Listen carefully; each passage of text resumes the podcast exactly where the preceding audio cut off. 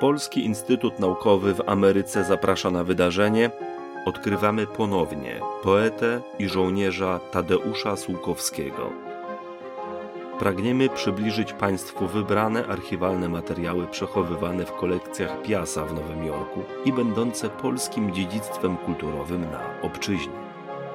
Materiał powstał na potrzeby zadania opracowanie, digitalizacja i promocja zbiorów oraz działań Polskiego Instytutu Naukowego w Ameryce.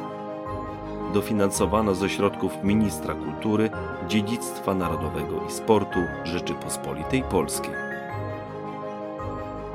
Czyta Aneta Kosno.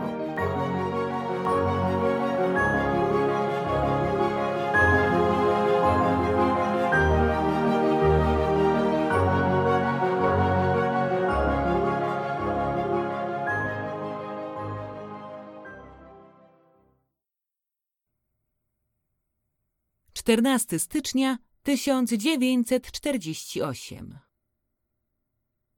Droga i kochana pani, rachunek sumienia musi być tym razem trochę obszerniejszy, bo bez tego będzie wyglądało, że od tak sobie nie pisałem.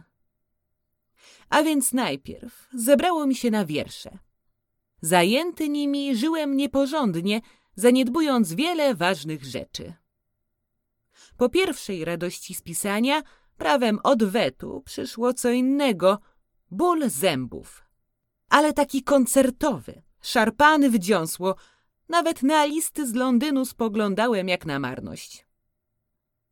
Później, zgodnie z umową, napisałem do pana Kisielewskiego w sprawie jego odczytu u nas.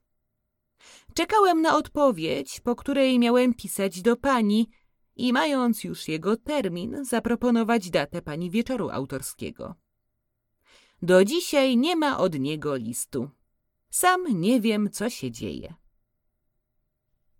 Tak w skrócie wyglądał czas od mego ostatniego listu do pani. Napisałem tylko jeden list do Gustawa, ale i on teraz zamilkł. Miałem natomiast wiadomość od Sowińskiego, właśnie wczoraj, z Paryża. Z powrotem do kraju zrezygnował. Zapowiada przyjazd na wyspę, bo tu ma się zapisać do PKPR-u. Pobyt w Paryżu uważa za najgorszy okres w swym życiu. Tak żył niespokojnie i tyle się tam nagryzł całą tą sprawą powrotu zaognioną przez Kołonieckiego.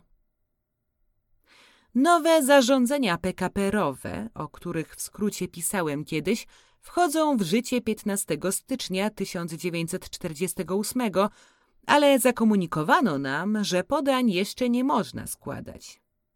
Mają na dniach nadejść jakieś instrukcje wykonawcze i dopiero po nich otworzą się praktycznie te wszystkie wrota do raju. Tymczasem mieliśmy tu skaranie boskie z deszczami i wichurą. Był prawie koniec świata. A dzisiaj jest zupełnie wiosna. Słońce i tak jakoś świeżo. Proszę pani, niechże się pani na mnie nie gniewa i napisze. O wszystkim, co się u pani dzieje. Ja mam dzisiaj służbę stróża nocnego, a wieczorem idziemy do teatru, bo przyjechali z Freuda teorią snów. Aż mi trochę lżej. Napisałem ten list, który powinienem wysłać już dawno. Najserdeczniej pozdrawiam panią i proszę o amnestię. Tadeusz. Przed chwilą wróciłem z komendy, gdzie mi major Radajewicz przekazał pozdrowienia od pani. Wchodząc do domu, zapaliłem sobie papierosa, żeby było jeszcze suciej od dobrej myśli. W ogóle mam dzisiaj dobry dzień. Niechże i pani się nie martwi.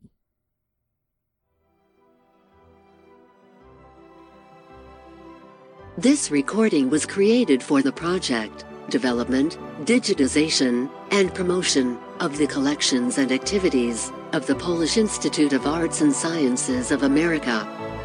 Co-financed by the Ministry of Culture, National Heritage, and Sport of the Republic of Poland.